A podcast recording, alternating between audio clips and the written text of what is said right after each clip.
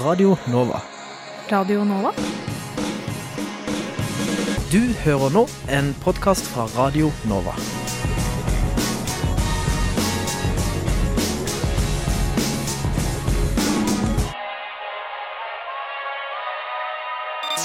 Studentnyhetene. Til denne ukens Studentnyhetene. Mitt navn er Håkon Christoffersen, og med meg i studio har jeg Martin Mathias Nøding. Og i dag får du høre disse sakene. Politistudentene får ikke fast jobb. Vi har snakket med Jon Andreas Karsson fra Politihøgskolen. Presidenten for ANSA kommer til oss for å snakke om psykisk helse blant eh, utenlandsstudenter. Satsingen på kvinnelige IT-studenter har de siste årene økt betraktelig. Vi har i dag med oss prosjektleder for Jenter og teknologiprosjektet i NHO, Caroline Løvald, og ingeniørstudenten Farhad Fasil fra Oslo OsloMet. Venstrealliansen er med på å arrangere Femfest her på Chateau Neuf i dag. og Vi får besøk i studio av Ronja Gulbrandsen for å høre litt mer om arrangementet. I studentpolitikermøtet får vi besøk av Marte Øyen fra NSO og Johannes Saastad fra Venstrealliansen. Men først skal vi høre ukens nyhetsoppdatering.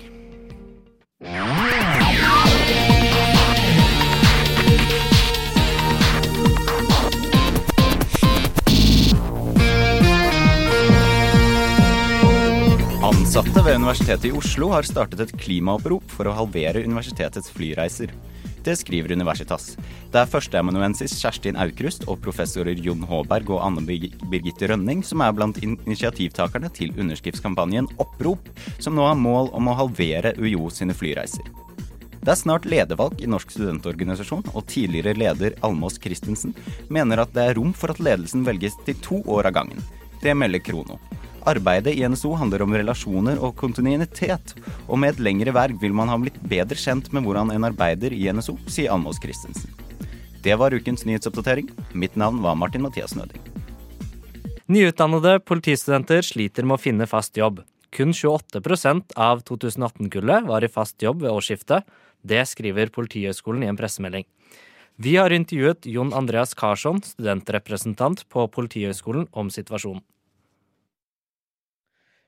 NRK skriver at uh, kun 9 av 577 ferdigutdannede uh, politistudenter uh, kom ut i fast jobb i 2018-kullet. hva er grunnen til at så få kommer ut i fast jobb?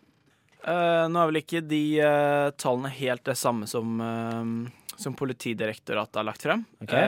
jeg lurer på om det de tallene jeg leste, var at det er noe sånn som 28 som var i fast jobb i januar nå. Fra 2018-kullet? Fra 2018-kullet, ja. Eh, men noe av grunnene til det er jo eh, fordi det settes av for lite penger til, uh, til nyansettelser. Mm -hmm. Og at det har blitt utdanna mange flere enn de som har gått ut. Blant annet fordi vi fikk hevet opptakstallene ganske høyt i 2011, tror jeg det var. Da vi gikk opp til 720 studenter. Og det har jo vist seg at det har jo vært litt for mange. Mm. Hvis du ser på hvor mye penger som har blitt satt av til til ansettelse av nyutdannede. Ok, Så det utdannes for eh, mange enn det det er arbeidsplasser til? Ja. Er det politi, altså denne nye politireformen? Eh, jeg tror ikke politireformen er et direkte resultat av eller at det er et resultat av politireformen. Men jeg tror at politireformen brukes som en unnskyldning til hvorfor vi ikke setter av mer penger.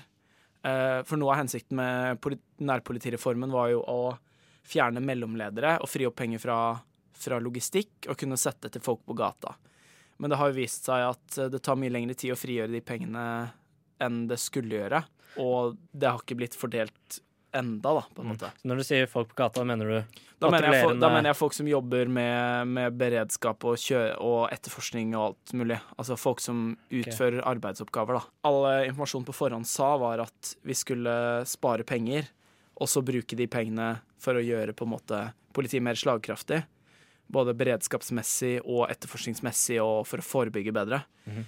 Men uh, det politifolk sier til eget fagforbund i hvert fall, er at uh, det føles motsatt. da. Ja, du er, har vel uh, en god peil på stemningen blant studentene òg. Hvordan er den? Er de bekymra? Håpefulle, eller? Folk er generelt ganske frustrert. Det virker jo som at studentmiljøet er dårligere enn det var i første året. Altså, vi har hatt færre sosiale arrangementer. Folk er kanskje til og med dårligere på kunnskapsdeling innad, fordi man tenker det at uh, de med best karakterer er de som får seg jobb. Og det er jo rett og slett sånn at uh, fordi politiet er en offentlig etat, så kan man ikke ansette en E-student hvis en B-student har søkt, hvis de ellers er like da, på papiret. Okay. Så det har vel blitt uh, vi, Ja, det er mye misnøye, mye tulling med at liksom Hver gang noen sier 'neste år når dere er i jobb', så lever liksom og ha-ha, vi skal jo ikke i jobb. Okay. Selv om det er noen som får seg jobb, så virker det som det er eh, ja, flere som står uten jobb enn som har det, spesielt det første halvåret. Eh, det er jo så å si ingen politidistrikter som har nådd det målet om to politi per 1000 innbyggere. Det er vel omtrent bare Oslo og Finnmark som har den, nådd det målet. Og de ligger ikke bedre an enn de gjør før reformen. Så det kjappe svaret er egentlig å sette inn penger, sånn at folk kan få seg jobb, og sånn at politiet kan løse de samfunnsoppgavene som vi er satt til å gjøre. Der hørte dere et intervju med Jon Andreas Karsson, studentrepresentant på Politihøgskolen. I forrige uke kom det ut i NRK at eh, forskning- og høyere utdanningsminister Iselin Nybø har gitt mer støtte til ANSA, altså The Association of Norwegian Students Abroad. Og for å snakke om hva dette betyr for ANSA og studentene og studentene i utlandet, har vi fått besøk i studio av Hanna Flod, president i sentralstyret til ANSA. Velkommen til deg. Tusen hjertelig takk. ANSA er altså organisasjonen for norske studenter i utlandet. Kort oppsummert, hva jobber dere med? Eh, Vi er eh, informasjonssenter som informerer om studier i utlandet nøytralt og gratis. Så er vi en studentsamskipnad som er representert i 27 land for eh, å skape og arrangere mm, faglige og sosiale arrangementer for norske studenter i utlandet. Og så er vi en interesseorganisasjon som jobber politisk for utenlandsstudentenes interesser. Mm. Eh, men denne støtten, hva er det denne skal gå til? Den skal gå til psykisk helse. Vi har eh, allerede et tiltak med et eh, online psykologtilbud. Eh, naturligvis så er det jo vanskeligere for oss som samskipnad å ha et fysisk eh, eh, psykologtilbud. Så derfor har vi inngått eh, en avtale med Lifekeys, som tilbyr psykologhjelp online av norske autoriserte psykologer. da. Ok, Men det er ikke et tilbud dere har fra før av? Det en- Jo, det er et tilbud vi har fra før av, men vi har jo tatt av egne midler for å finansiere dette tilbudet. Så derfor har vi ikke kunnet rulle det ut i full skala. Så vi har ikke tidligere kunnet jobbet eh, forebyggende. Kun liksom når det brenner på do, da. Mm. Hvordan har dere jobbet for å få denne støtten dere nå har fått? Eh, først så hadde vi jo For det første så har jo SHoT-undersøkelsen kommet frem, og der ble jo utenlandsstudentene inkludert. Og det viste jo dessverre at tilstanden blant utenlandsstudentene er eh, ganske lik den eh, blant studenter her i Norge, som det heller ikke står bra til med. Eh, og så så har vi også samarbeid med studentprester eh, sjø, gjennom Sjømannskirken, som er da ambulerende. Eh, de har opplevd, et veldig høyt trykk. Eh, særlig da eh, i Øst-Europa, hvor NRK også laget en reportasje blant seks land i, i Øst-Europa. Blant annet Polen og Ungarn, Tsjekkia osv. Eh, og så fikk vi rettet søkelys på det, og så har vi også tatt kontakt med Kunnskapsdepartementet og statsråd Iselin Nybø for å se om vi kunne få til en løsning her. Fordi vi fikk ikke lov til å søke på de midlene som norske studentsamskipnader gjør. Eh, og da kom vi frem til en løsning der, og det er vi veldig takknemlige for. Um, er det noe, jeg bare lurte på, er det noe forskjell eh, på hva utenlandsstudenter eh, sliter med, kanskje psykisk, da, i forhold til norske studenter? Hva Er det noe spesifikt utenlandsstudenter sliter med? Jeg tror det er mye av det samme, men så klart så kan jo ting også føles kanskje litt ekstra sterkt da, når du er alene i utlandet for første gang, du ikke snakker språket, um, eller det kanskje er språkbarrierer, kulturelle barrierer, at man kan føle seg litt ekstra ensom da. Um, kommer studentene til å merke en ekstra tilbud? Eh, ja, absolutt. Eh, nå har vi ikke fått pengene helt ennå, så vi må liksom vente til de først er på konto. Og så skal vi selvfølgelig lage en plan og se på hvordan vi kan eh, utnytte pengene sånn at de kommer flest mulig, best mulig til gode. Så det, det er noe vi skal se på. Men absolutt, dette er noe studentene kommer, kommer til å merke. Nettopp. Men er det noen tiltak eh, dere tenker å gjennomføre først? Eh, Vi skal vi planer å videreføre det tilbudet vi har, som er disse online psykologtimene. Og i tillegg til det så arrangerer vi jo webinarer om eh, mestring av stress, mestring depresjon og angst under studietiden osv. som mer forebyggende tiltak. Dette kan man selvfølgelig delta på anonymt. Så vi håper at det også kan være et lavterskeltilbud som flere vil benytte seg av. Eh, Jeg har et lite scenario til deg. Skal vi se. Studenten Lise sliter med ensomhet og depresjon mens hun studerer i utlandet. Hvor kan hun søke hjelp og råd om hva hun skal gjøre? Som studentsamskipnad så har vi også en sosialveileder på vårt kontor eh, som hun kan snakke med. Eh, I tillegg så er det jo disse studentprestene som jeg snakket om, som også er da de er altså religionsnøytrale i møte med eh, studenter, sånn sett. Um, så de reiser rundt, og det er kanskje enklere da å ta kontakt med noen av dem. Og de vil da også videre henvise til sosialveileder, som kan igjen gi dem psykologtimer, da. Gratis. Eh, Hvordan oppfatter dere i ANSA at utenlandsstudentene har det? Sånn uh, gjennomsnittlig. Har de det bra, eller er det Altså, SHoT-undersøkelsen, som er det vi har, viser jo at de fleste er ganske fornøyde med student, eh, altså studiebyen sin. De er fornøyd med studiemiljøet, kulturelle tilbudet osv. Og, så og det er jo veldig gledelig, men det er jo fortsatt ganske alarmerende tall når det kommer til psykisk helse. Mm, Mm, tallene var ganske alarmerende her hjemme også, ikke bare blant utenlandsstudentene. Men eh, eh, Og jeg vil bare presisere at uh, SHoT-undersøkelsen som vi snakker om, er studentenes uh, helse... Og trivselsundersøkelse. Ja, ikke sant? For de som ikke De- hadde fått det med seg. de tallene dere går etter, det er fra SHoT-undersøkelsen. Dere gjør ikke noen undersøkelser selv. Eh, Vi har ikke gjort noen undersøkelse selv sånn formelt sett, men det vi får eh, tilbakemelding om fra disse studentprestene og sosialveilederen vår, er jo det at eh, trykket er veldig høyt. Og spesielt så har det vært fokus på disse medisinlandene i Sentral- og Øst-Europa, nettopp fordi de ikke Eller det er ofte de melder tilbake om at de har et veldig begrenset eller et ikke-eksisterende tilbud. Og det er klart at hvis du studerer i en liten by i Slovakia, så er det et begrenset tilbud av psykologer som snakker engelsk. Og i tillegg så kan det hende at den ene psykologen der som er der, som snakker engelsk, også er din foreleser. Og da, er ikke, da kan man ikke kalle det et lavterskeltilbud. Det er jo mange studenter, eller de fleste drar jo eh, til utlandet eller på utvikling alene. Eh, har du og ANSA noen eh, gode råd til kommende utenlandsstudenter? Engasjer deg, eh, om det er i ANSA, eller om det er i et lokalt studiemiljø, eller om det er en idrett. Så er det viktig å liksom, komme seg ut og møte, møte mennesker. Da. Selv om det er kanskje litt, eh, litt trygt å bare bli sittende hjemme. Men eh, ja, man må komme seg litt ut av komfortsonen. Men så må man også oppsøke hjelp i tide da, hvis man virkelig merker at dette her er, dette er ikke noe jeg greier. Og så er det jo sånn at utenlandsstudier passer faktisk ikke for alle. Hvis du merker at det, det absolutt ikke går, så er det ingen skam i å snu. Da er det mulig å dra hjem. Det er mulig å dra hjem, ingen skam å snu, men kom deg ut og delta. Tusen takk for at du kunne komme, Hanna Flod, president i ANSA.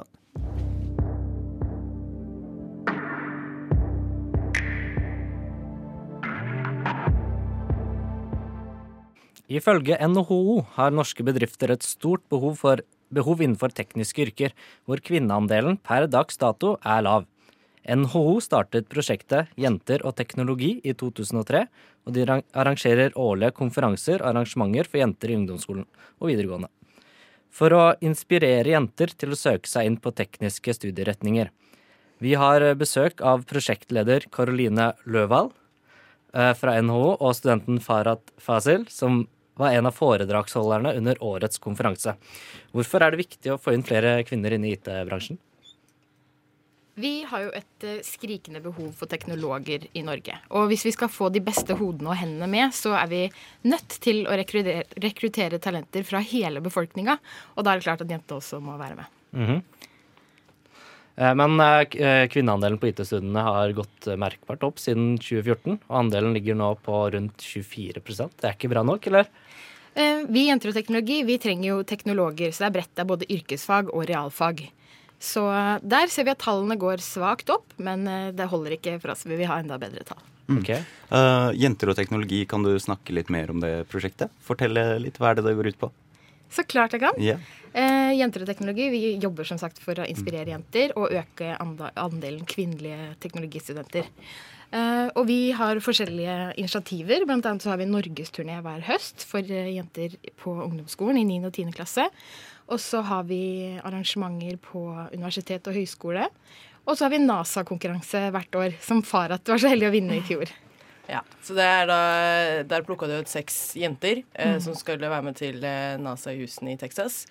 Eh, hvor vi da ble kjent med flere astronauter, eh, tidligere direktører, de fremste teknologene. Eh, og så skal vi bruke mye av den inspirasjonen til å ja, videre inspirere unge jenter da, til å velge i samme retning som oss.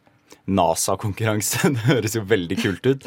Men uh, dere var i Houston og besøkte Vi var i Houston Ja. uh, og besøkte NASA. Ble som sagt kjent med flere Mm. astronauter. Middager med tidligere direktører. Så alt var jo veldig overveldende og ikke noe jeg mest sannsynlig kommer til å oppleve igjen.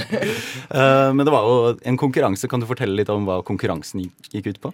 Konkurransen gikk ut på å lage en video av seg selv på ett minutt, hvor du da skal fortelle om en eh, teknologi vi ikke kan eh, leve uten. Eh, og eh, min, eh, min video handla om eh, såkalte AR-briller, som da eh, jeg tror kommer til å erstatte bl.a. mobiltelefonene. Er det sånn augmented reality du mener da? Ja, ja. det er mm. ikke, ikke VR, for da er, det, da er du en annen realitet, Mm. en annen virkelighet. Men det her er da du er her til stede, men samtidig så har du alt av skjerm og sånt foran deg. Mm. Eh, og dette har jo eh, begynt å brukes mye på høyskolen eh, i ulike fag, så det er noe som er up and coming. Wow.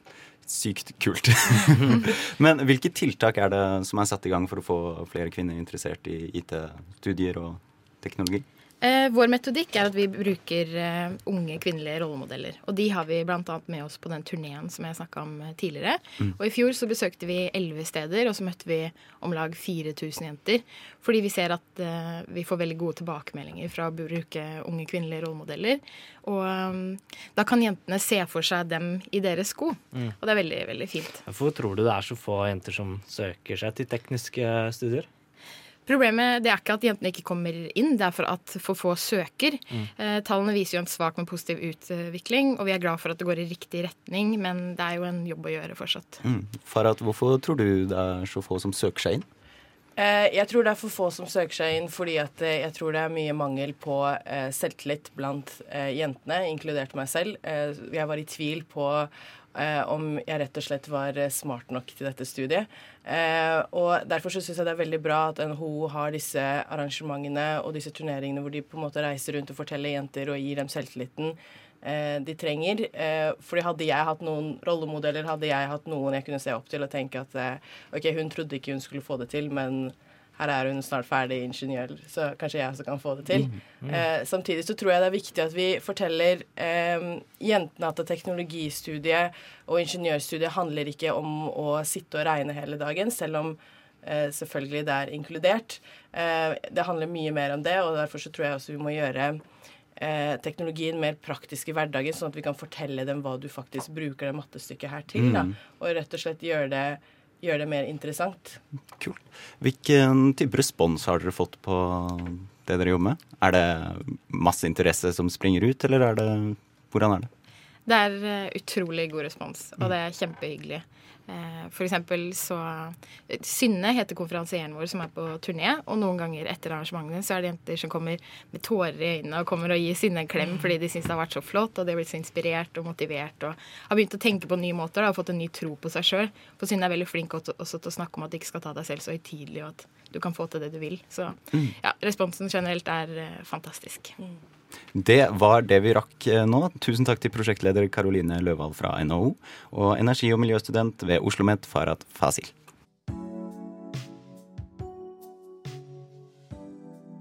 Og i morgen arrangeres Femfest av Oslos feministiske studentorganisasjoner her på Chateau Neuf. Og Venstrealliansen er, er en av de som står bak. I studio har vi Ronja Gulbrandsen, som har kommet til oss for å snakke om nettopp Femfest. Velkommen. Takk skal du ha. Kan du ikke fortelle litt hva Femfest er? Femfest er en uh, tverrpolitisk uh, festival for, tilgjengelig for hovedsakelig studenter, men også alle andre som har lyst til å komme. Uh, og vi ønsket å arrangere, eller kunne ha en plattform da, for at alle skal kunne få en bedre tilgang på å liksom, forstå hva feminisme er, og hvordan man kan uttrykke det på forskjellige måter. Så vi har kunstfestivaler, vi har konserter, debatter. Um, som er på en måte, De tar både opp veldig seriøse temaer når det kommer til f.eks. abort og kvinnepolitiske temaer, men også veldig på en måte lavterskel, så at du skal kunne komme og bare ha det gøy og snakke om politikk sammen med andre. Mm. Eh, Det er andre gangen dere arrangerer, ikke sant? Ja. da husker jeg riktig. Er det noe spesielt som feires i år, eller? Det er jo en fest. Det er jo en fest. Det er, feminisme er alltid en fest. Ja. Eh, Men det er, i år det er ikke noe spesielt tema. Eh, Vi har, ganske, vi har satt ganske mye fokus på å egentlig bare ha mange ulike temaer, sånn at vi kan favne om mange. Eh, Og også lagt et sterkt fokus på at vi har eh, studentdrevne ting. Vi skal vise filmer og sånne ting som setter fokus på hvordan unge kvinner takler hverdagen. Eh, Og også skape også en arena der hvor andre kan komme inn, f.eks. kunstnere, da, og vise frem det de har laget. Og eh, det starter i morgen, eh, yeah. som ikke i dag, men i morgen eh, klokken ett, er det riktig? Ja, vi Ja. starter opp med et eget rom. I et eget rom, vet du. Det er bra, vet du. Mm. Her på Radio Nova mandager klokka ti. Eh, og det blir Skal de holde debatt, eller hva er det de skal gjøre? De skal ha livesending. Ja, så gøy. Mm. Eh, har du noen favoritter på programmet? Jeg, jeg, veldig, jeg gleder meg veldig mye til konsertene som vi skal ha på kvelden. Vi skal ha Audrey's Dance, vi skal ha DJ, og Pikekyss kommer. Eh, og så syns jeg også det er veldig kult med, eh, med kunstutstillingen. Det er unge kunstnere som ikke har stilt ut så mye. At det at de kan få en arena, det syns jeg er veldig gøy.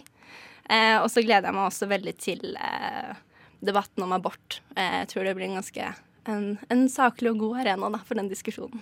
Hvem er det som kommer til den debatten? Det, den er arrangert av Progressiv Prat, som er et samarbeid mellom eh, Sosialistiske Studenter og Rødt Studentlag på UiO.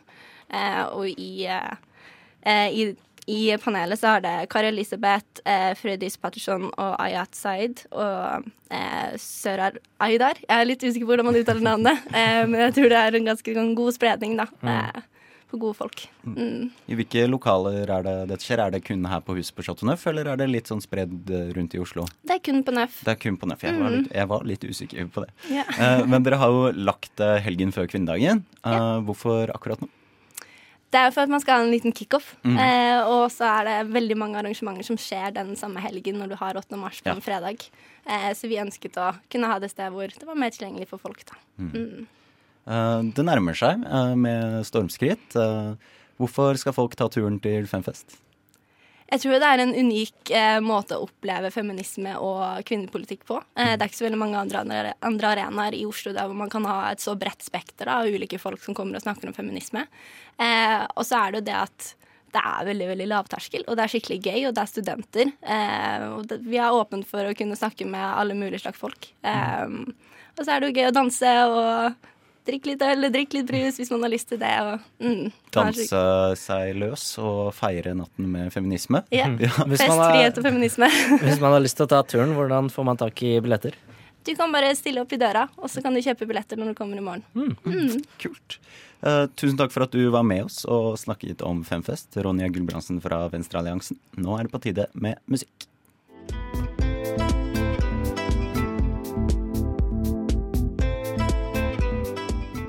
Hjertelig velkommen til Studentnyhetene, Marte Øyen, nestleder i NSO. Hei.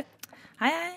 Eh, Krono kunne denne uken melde at antall tvilsmeldinger på skikkethet har økt 132 til 212 på fire år. Før vi hopper inn i tallene, eh, hva er egentlig skikkethet, hvordan blir det målt? Ja, eh, altså skikkethet er jo først og fremst til for å skåne om de sårbare og mer utsatte samfunnsgruppene vi har. Eh, det gjelder jo studenter som gjerne skal utdanne seg til å bli sykepleier eller lærer og, og, jobbe med mennesker som er i en, eh, en sårbar eller vanskelig situasjon i livet. Eh, og eh, da er det jo viktig at man, eh, man er skikka til å både utføre det yrket på en forsvarlig og, og god måte. Og da er det jo en veldig lang prosess som skal til. Det er jo et lovverk som sier at det skal være en løpendes, løpende eh, skikkethetsvurdering gjennom hele studieløpet ditt. Både når du er på utdanningsinstitusjonen, når du er i praksis og, og ellers. Eh, og så er det forskjellige grader da, i det her, hvor du starter gjerne med å gi en, en tvilsmelding eller en bekymringsmelding på, på en student. Og så er det en institusjonsansvarlig som tar og ser på saken og vurderer hvordan man skal føre videre tiltak. Eh, og dersom det blir stilt virkelig tvil om hvorvidt den studenten er skikka eller ikke, så eh, blir det en særskilt siktighetsvurdering, og så går det opp til siktighetsnemnda, som fatter en vurdering som de videre sender til klagenemnda. Du nevnte sykepleierstudiet. Er det flere utdanningsløp hvor, eh, de, um, hvor skikkethet blir vurdert? Ja, det er jo innenfor sykepleie og lærer. Eh, altså alle studier hvor du, hvor du skal jobbe med enten barn, unge mennesker, eh, innenfor helsesektoren spesielt, da. Mm.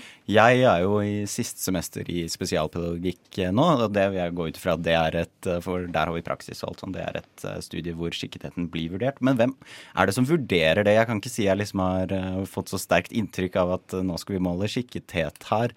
Og heller ikke på forelesninger eller seminarer. Man har jo vanligvis ikke så mye kontakt med forelesere, emneansvarlige osv.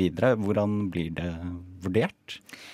Eh, altså Loven sier at eh, alle som er i kontakt med studenten, kan melde en tvilsmelding. Så det betyr jo at både vi som er medstudenter og ansatte venner av studenten, eh, alle kan, kan melde inn en tvilsmelding. Um, og så er det opp til institusjonsansvarlig da, å vurdere den bekymringen eller tvilsmeldingen som man får inn. Eh, og så skal det jo iverksettes en del tiltak med oppfølging og veiledning for den studenten som det ble meldt tvil om. Eh, og så er det jo eventuelt da opp til en sjiktrettsnemnd som tar og eh, ser dypere inn i saken, og så kommer de med en, en tilråding til, til klagenemnda dersom studenten blir sett på til å være uskikka. Mm. Men du er ikke helt fornøyd med at disse studentene som er uskikket, blir veiledet ut i andre utdanningsløp, er du det? Nei. Eh, altså Utfordringen med det er jo, hvis vi ser på hvorfor vi faktisk har siktighetsvurdering, så er jo det nettopp for å ivareta de utsatte og sårbare gruppene vi har i samfunnet.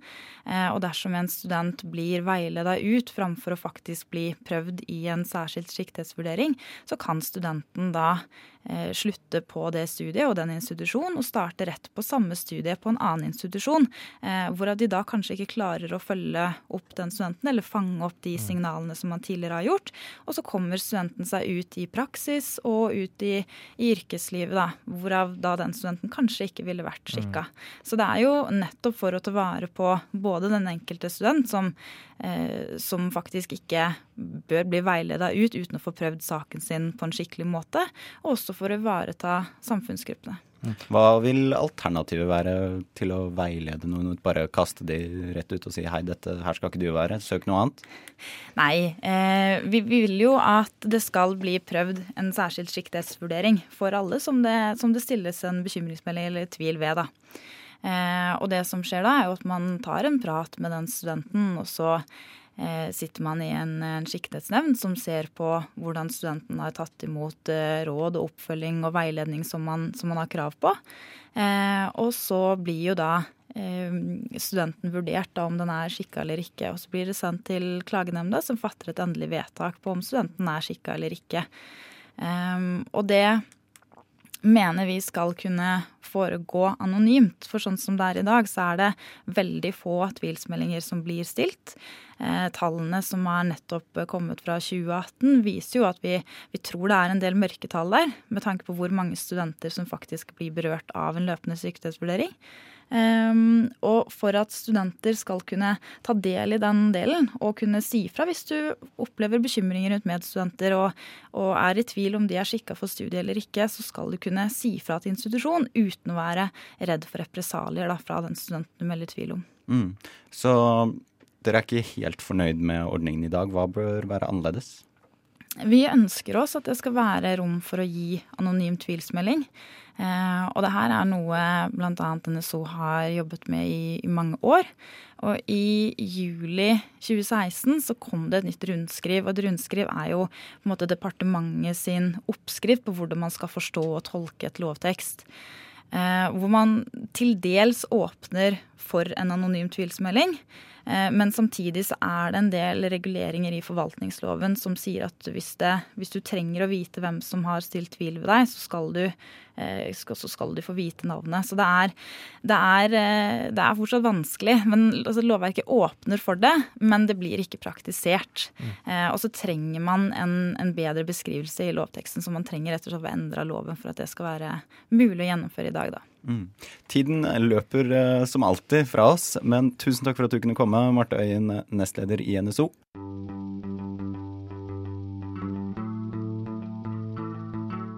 Nå har vi fått besøk av Johannes Saastad fra Venstrealliansen. Velkommen skal du være. Tusen takk. Ja, dramatikk i studentpolitikkens eh, verden. For denne uken stilte jo din liste, Venstrealliansen, et mistillitsforslag mot uh, noen av studentrepresentantene i SIO sitt hovedstyre. Mm. Resultatet ble jo da avgjort i går, Mm. torsdag kveld, eh, og det ble ikke vedtatt mistillit fra Velferdstinget. Eh, Kan dere fortelle litt om hvorfor dere valgte å stille et slikt forslag? Ja, jeg kan jo begynne å si med at dette er noe vi har vurdert lenge. Mm. eh, Og nå kom det til et punkt hvor vi følte at nå er tiden moden. Men vi har tenkt på det i i hvert fall et år. Bakgrunnen er tre konkrete saker. Velferdstinget fikk langt mer penger enn det vi ba Masio til å drifte vår egen altså bedrift og til å dele videre til studentfrivilligheten. Eh, Prosessen for å søke om disse pengene er blitt endret eller vedtatt endret uten at vi har fått muligheten til å påvirke det i forkant. Eh, og SIO har gått inn for å først selge deler av, og så selge de resterende delene av eh, ja, et underselskap som har drevet med drift og vedlikehold av studentboliger. Det er nå helkommersialisert. kommersialisert, Og så vidt jeg har skjønt, så har ikke lenger SIO noen representanter i styret i det firmaet, så man har mistet påvirkningskraft. Mm. Og de tre tingene til sammen viser for oss at nå har vi ikke tilstrekkelig mulighet til å påvirke lenger. Mm. Da må vi gjøre noe. Men uh, du sa at dere hadde jobbet med det lenge. Mm. Uh, hvordan fant dere ut at dere ville stille? Hvordan var liksom prosessen uh, deres der? Altså, Vi følte jo at det var et svik allerede når man gikk inn for å, for å selge 51% av aksjene til dette firmaet, dette, som da ble til Thomas Service Partner. Eh, Det var jo da jeg var helt ny i Velferdstinget. Det er rundt et år siden nå. Eh, Og så tenkte vi at nei, vi fremmer heller politikk på det gjennom Velferdstinget. Og får vedtatt en resolusjon om at dette liker vi ikke, og det må reverseres. Det gjorde vi. Istedenfor å gå inn for det, så gjorde SIO det motsatte og solgte de resterende 49 mm. Men dette mistillitsforslaget gikk ikke gjennom. Det gikk ikke gjennom. Eh, Hva tenker du nå? Jeg tenker at nå hadde studentrepresentantene muligheten til å si tydelig ifra. Eh, Det lot man være å gjøre, og det setter en presedens for hva som er greit i framtida. Mm. Det er kjempeuheldig. Mm. Eh, men eh, det kom jo fram på møtet i går at det var eh, ganske mange som var enig i at kommunikasjonen ikke hadde vært på topp, men Mm. at de syntes det, det å stille mistillit var kanskje et litt drastisk tiltak. Hva tenker du om det? Jeg tenker at det er mange måter man kan jobbe for å påvirke unnskyld, påvirke SIO og hovedstyret på. Men de er ikke bundet av vår politiske mening, studentene i hovedstyret. Den eneste tingen vi kan vedta som har effekt uavhengig av om de er enige med oss eller ikke, det er mistillit. Og Derfor mente vi at vi var der nå hvor det var nødvendig å gjøre. For vi føler oss ikke hørt. Mm. Hvilken type respons har dere fått fra Velferdstinget og andre innenfor studentpolitikken? Um, vi har fått noen støtteerklæringer. Uh, altså Den generelle responsen fra Velferdstinget har vært at vi er enig i argumentasjonen for at dette er kritikkverdig, men vi er ikke enig i at mistillit var veien å gå. Mm. Og det er respektabelt. Og vi har gjort et poeng ut av å ikke lobbe for meningen vår. For vi ønsker at Velferdstinget skal ta stilling til det. Med tanke på mistillitsforslaget og resultatet av det, hvordan blir veien videre for Venstrealliansen nå? Nei, altså Vi skal fortsette å være en tydelig stemme i vår kritikk. Og så håper jeg jo at selv om det ikke eh, mistillitsforslaget ble vedtatt, så, så var det et tydelig signal at det kom. Så vidt meg bekjent, og så vidt Velferdstinget bekjent, så har det ikke skjedd før at man har stilt mistillit mot hovedstyret i, i SIO. Så forhåpentligvis så endrer det veien, og kanskje de Kanskje de føler at de sitter litt mindre trygt, da, og at det er et større behov for å lytte til velferdsting i framtiden. Eh, Det var eh, det vi rakk. Tiden er knapp. Eh, Resultatet ble jo da at det ikke ble gjennomført et mistillit mot SIO sitt hovedstyre. Men tusen takk for at du kunne komme, Johannes Saastad fra Venstrealliansen. Og da var studentnyhetene over for denne gang, men vi er tilbake igjen samme tid neste uke. Mitt navn er Håkon Christoffersen, og med meg i studio hadde jeg Martin Mathias Nøding. Og tekniker Annika Selin Bogen. Podkastene våre finner du der du ellers finner podkaster. Følg oss gjerne på sosiale medier, og ha en riktig så god helg. Du har hørt en podkast fra Radio Nova. Likte du det du hørte? Du finner flere podkaster i iTunes og på våre hjemmesider radionova.no.